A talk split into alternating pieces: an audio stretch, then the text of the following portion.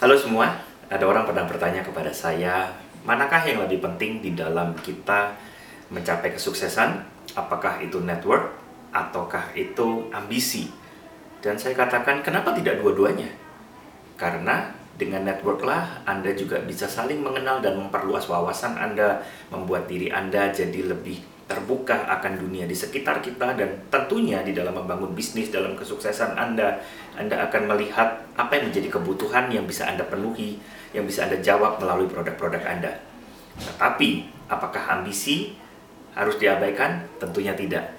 Karena tidak ada satu orang pun yang bisa mencapai sesuatu tanpa niatan untuk dia mencapainya dengan berusaha. Dan tidak ada satupun hal yang bisa membuat Anda sukses kalau Anda sendiri tidak dengan sengaja memulai kebiasaan-kebiasaan yang mungkin akan membuat kita keluar dari zona nyaman kita.